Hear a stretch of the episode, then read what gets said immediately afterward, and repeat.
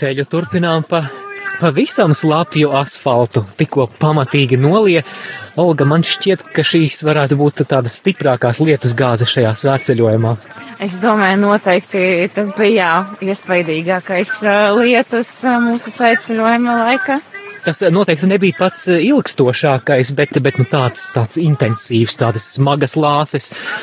Bet uh, viss turpinās, Iespējams, klausītāju fonā tu dzirdi arī svētceļnieku dziesmas, tas nozīmē, ka visi ir dzīvi un veseli, bet mēs šeit ar Olgu esam kopā ar tevi, mīļo radio svētceļnieku, lai kopā ar tevi iepazītu vēl kādus mūsu grupas locekļus. Un sveika, Anda! Sveiki! Sveiki! Anda, tu pievienojies mūsu svētceļojumam pirms dažām dienām, kurā vietā tas bija atgādini lūdzu? Septītajā dienā Kurš no to atcerās? Bet, uh, Sestiena? Nē. Nē. Mērciena? Mārciena? Mārciena, jā, bijām tādā vietā, un nu jau dažas dienas ir noietas, un varbūt kādi ir tavi pirmie iespaidi, pirmie secinājumi un sajūtas?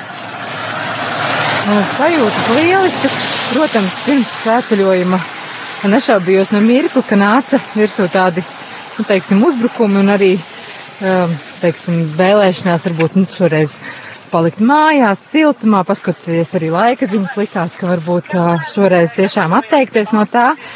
It sevišķi zinot, ka man būs jāiet sāceļojumā arī ar bērniem, tas varētu būt salīdzinoši sarežģīti, nu tādu racionālo cilvēku prātu ceļu domājot, tad, tad patiesībā jau pēc pirmās dienas es sapratu, ka tas bija tikai tādi, tādi, teiksim, uzbrukumi, lai atturētu no tā visa, un patiesībā šeit es beidzot iegūtu to ilgi ilgi gaidīto mieru, prieku, tādu absolūtu laimes sajūtu jau pirmajā vakarā un slapjas kājas vai, vai, es nezinu, tas viss tādi dzīves sīkumi pret to sirds piepildījumu, kas rodas svētceļojumā. Mm. Anda, kāpēc tu devies svecinājumā? Kas tevi pamudināja? Vai tas bija kāds cilvēks vai kādas ilgas sirdi? Hmm. Laikam ilgas sirdī, jā.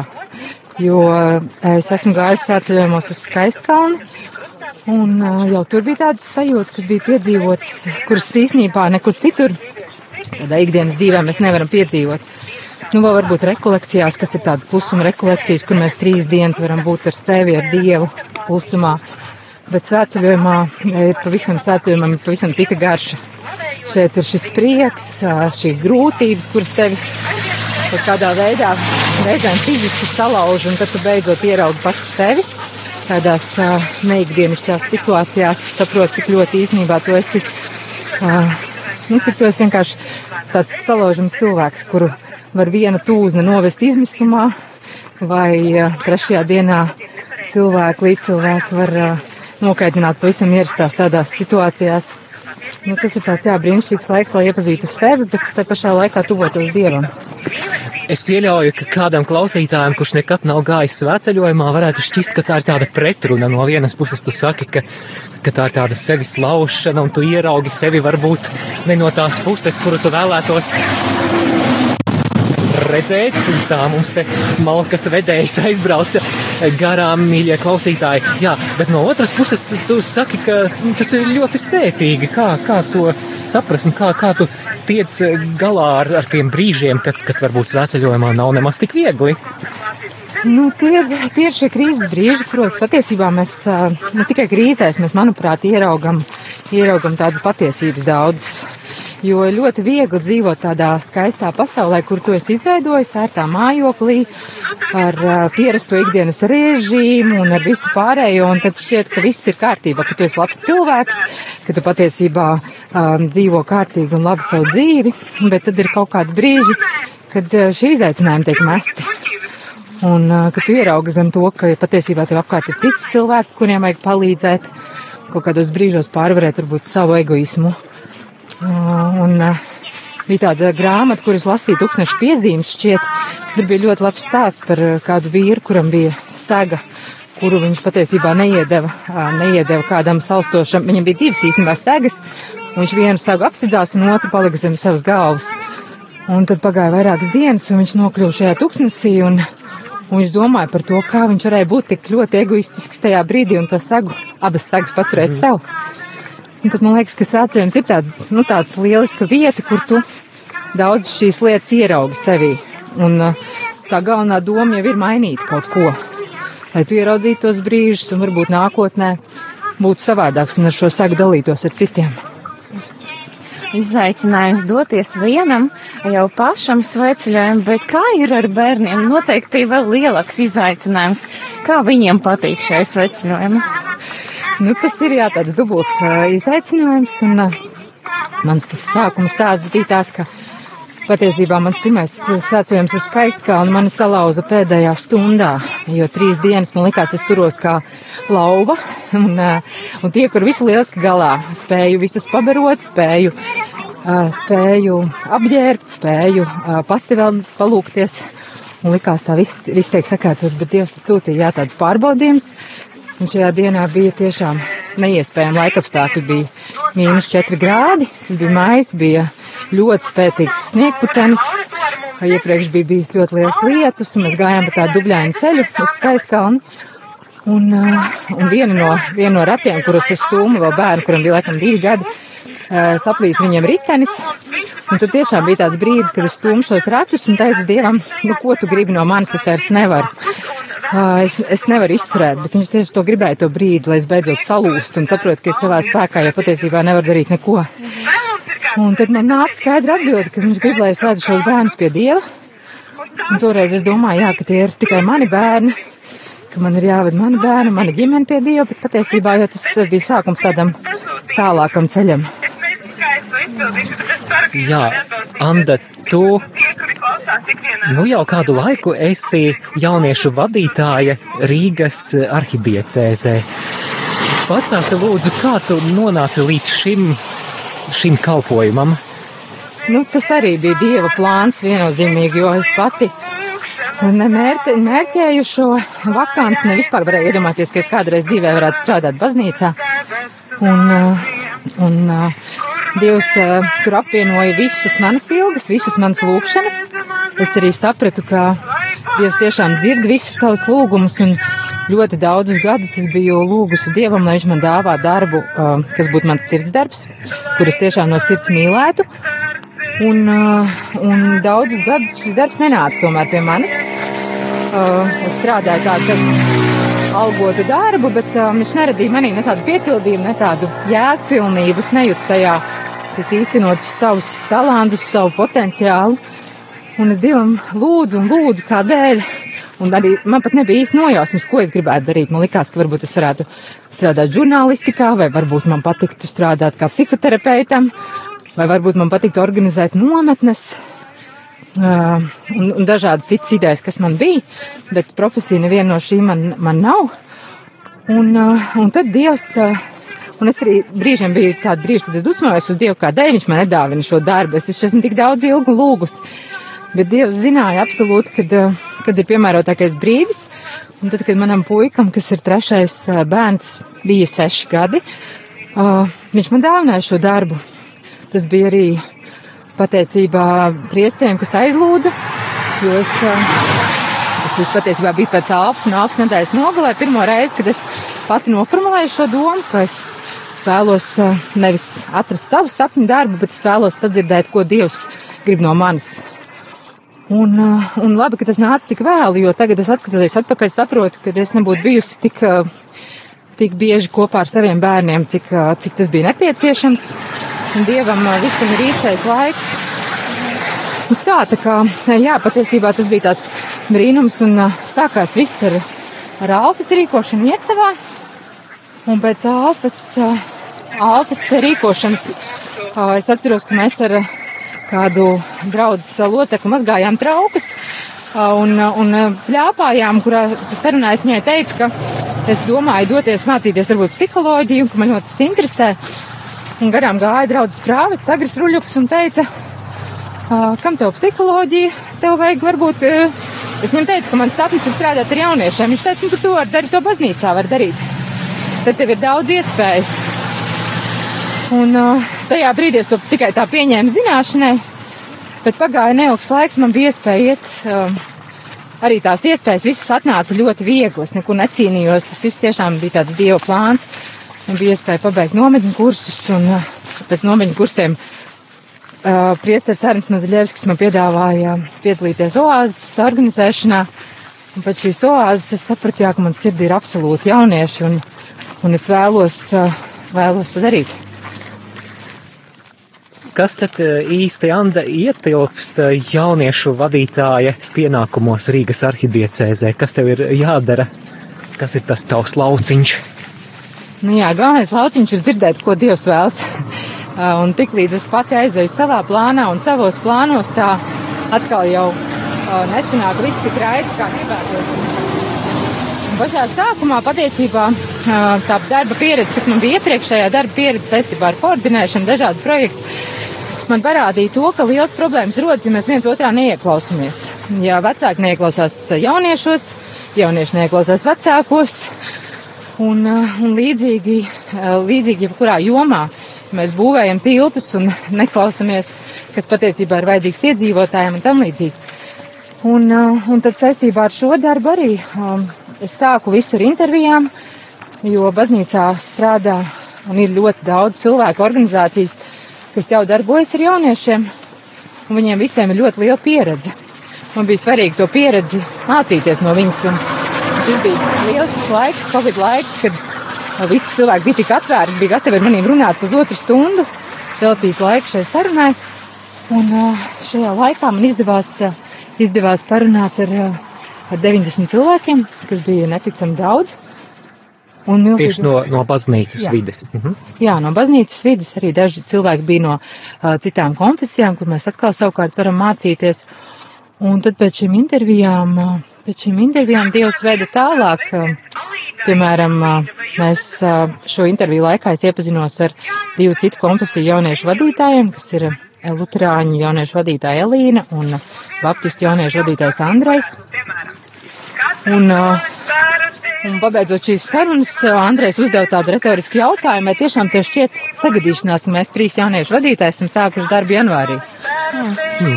Un, uh, un es arī par to tikai tā pasmaidīju, un man likās, ka tā varbūt tiešām ir tāda sagadīšanās.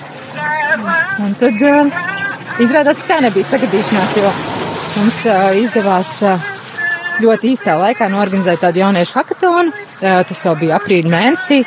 Mēs no visām trijām konfesijām sapulcinājām jauniešus un vienkārši jautājām viņiem, kas ir tās lietas, kas viņiem sāp Covid laikā un kas ir tās lietas, ko viņi vēlētos darīt gan savā labā, gan citu jauniešu labā.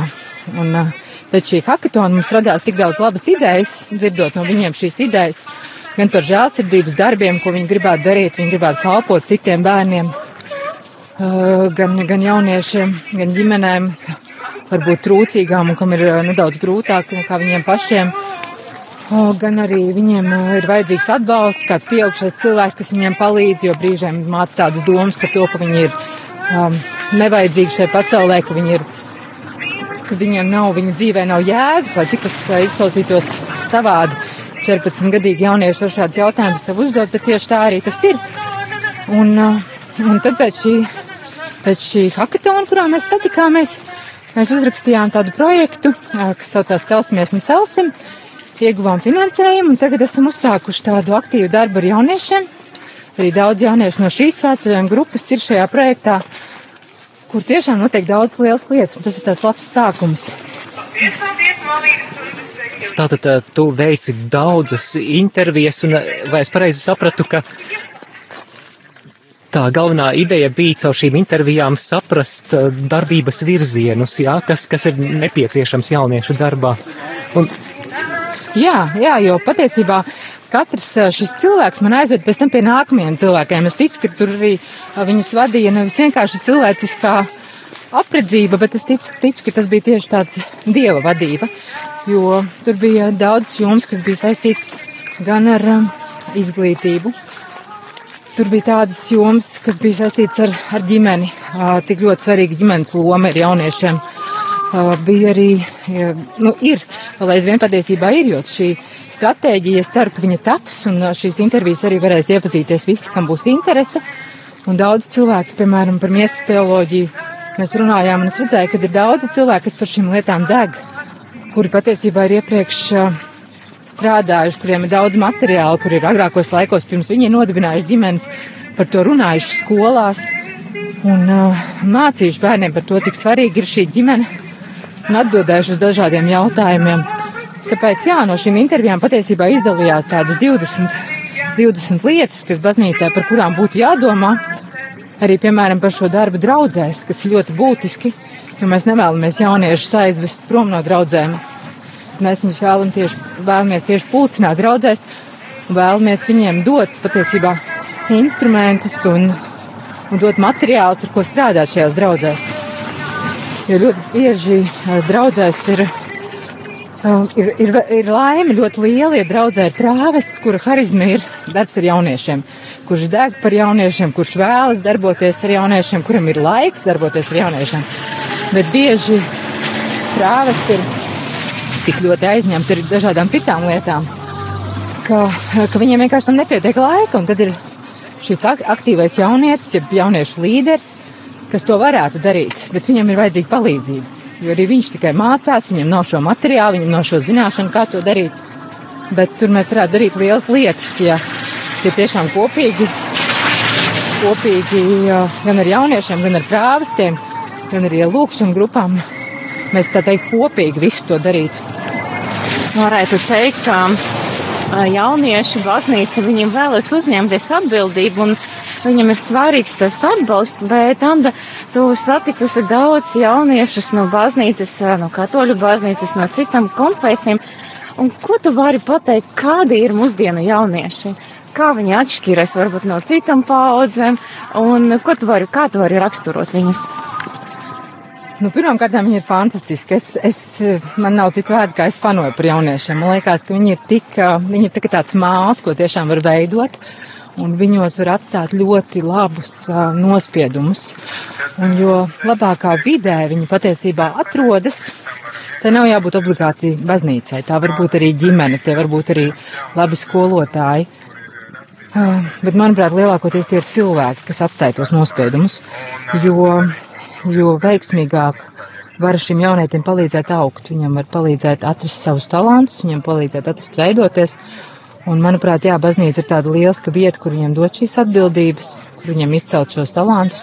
Arī šeit svētceļojumā mēs redzam jauniešus, kas spēlē instrumentus, kas, kas piedalās interviju veikšanā, kas patiesībā iemācās komunicēt jau tik mazā vecumā ar dažādiem cilvēkiem, kuri redz, piemēram, pāvestu pieminēto Kristus Vivit tik svarīgo punktu par to, ka jaunieši ir jāved kopā ar vecākas paudzes cilvēkiem. Viņiem ir iespēja, lai viņiem būtu iespēja mācīties no viņiem šo dzīves pieredzi. Tā pašā laikā arī jauniešiem, kas varētu mācīt vecākiem cilvēkiem tās lietas, kaut kas viņiem ir svarīgs.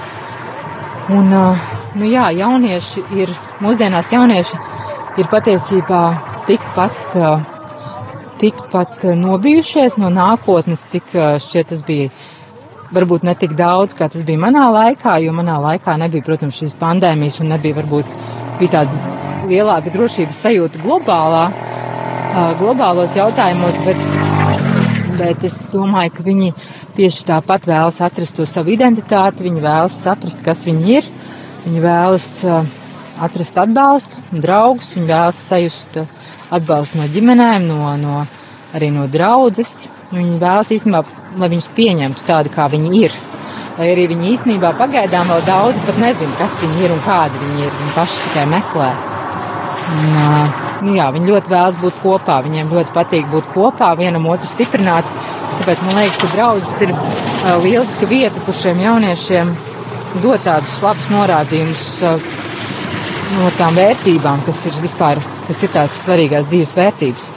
Tu minēji jauniešus, kas patiešām aktīvi ir iesaistījušies šajā svētceļojumā, prieks redzēt šeit gan bērnus, gan jauniešus un pusauģus, bet eh, tā, ja, ja tīri tā realistiski un mazliet skarbu aci paskatās uz draudžu sastāvu, tad daudzās draudzēs jauniešus mēs pat īsti neredzam, un tāda lieta kā jauniešu vakari, tas, manuprāt, draudzēs ir retums. Gan jau, ka Anda esi domājusi par tiem iemesliem, kādēļ tad jauniešus baznīca bieži vien arī nepiesaista. Nu jā, nu te liels paldies ir jāsaka Pēterim un Veltai un Klaudio, kas īstenībā pirms diviem gadiem izstrādāja šīs vadlīnijas pastorālajiem darbam ar jauniešiem, kur bija šīs visas lietas apskatītas. Tur viņi arī ilgākus, man liekas, divus gadus ar tādu, ar tādu darbu grupu strādāja pie šiem jautājumiem un arī aptaujāja pašus jauniešus, kas ir ideālā draudze, kāda viņi vēlētos redzēt šo draudzi, kas ir tās lietas, kas viņiem pietrūkst viņu draudzēs.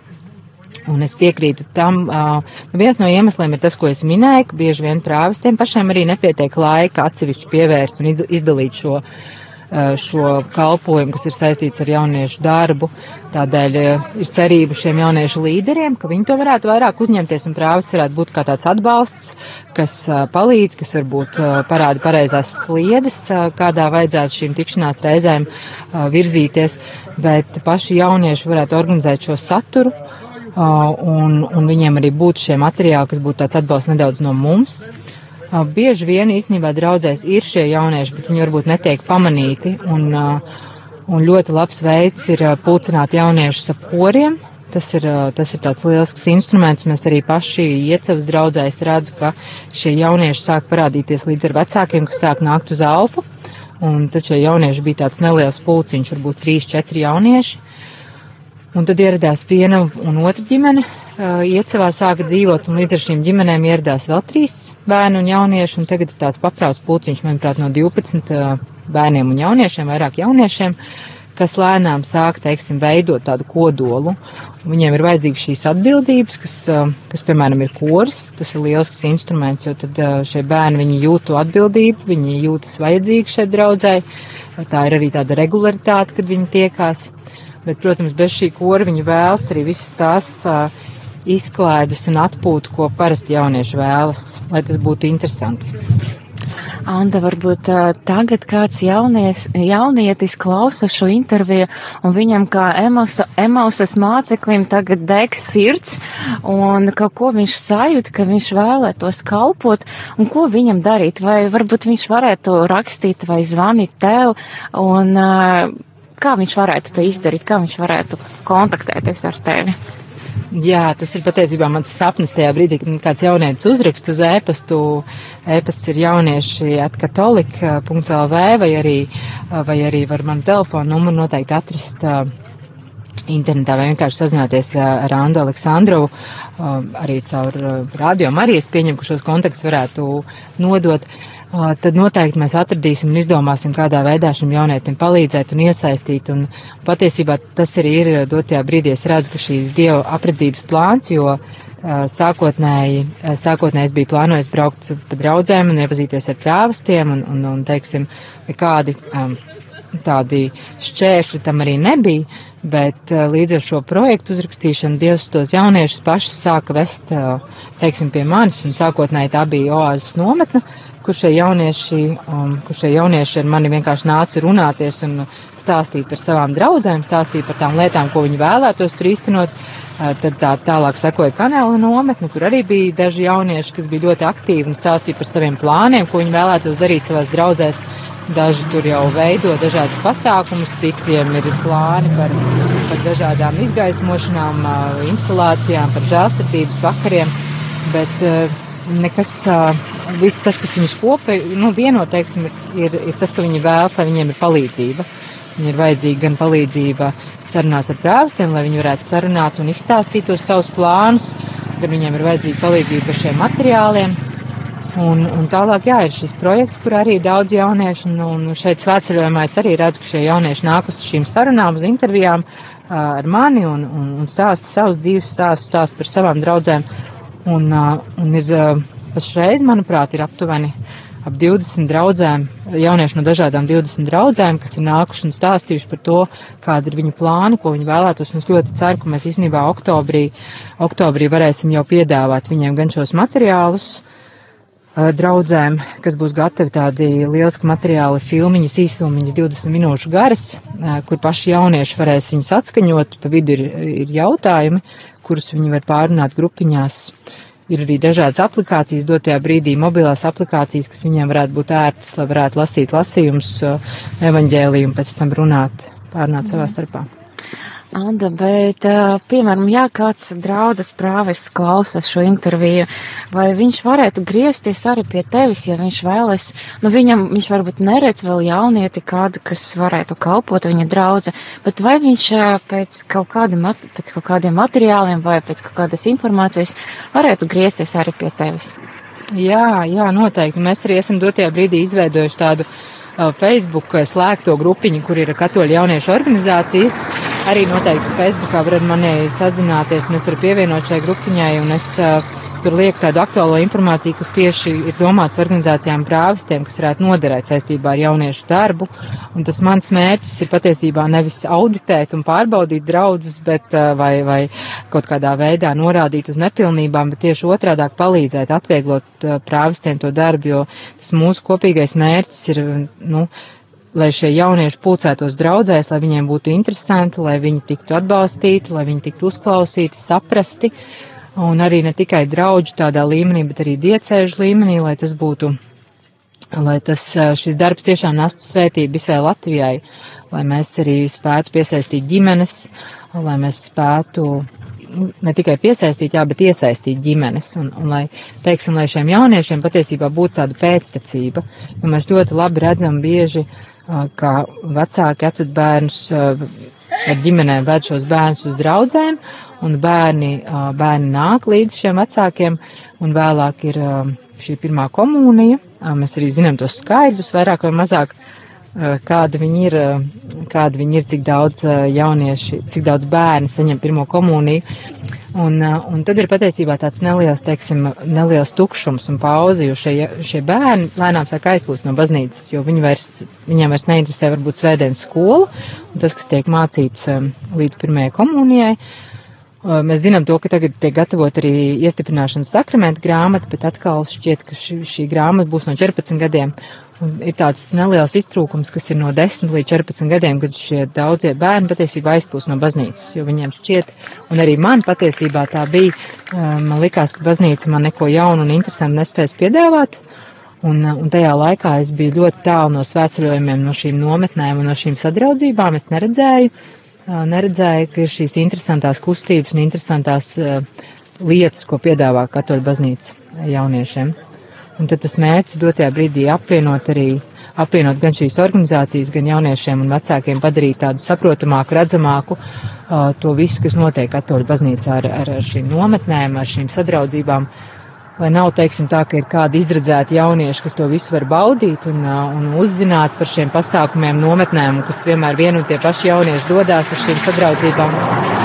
Pārējie jaunieši baidās iesaistīties. Jo arī šeit es svētceļojumā redzēju ļoti labi tādu piemēru ar savu meitu, kas ir 13 gadus vecs jaunietis.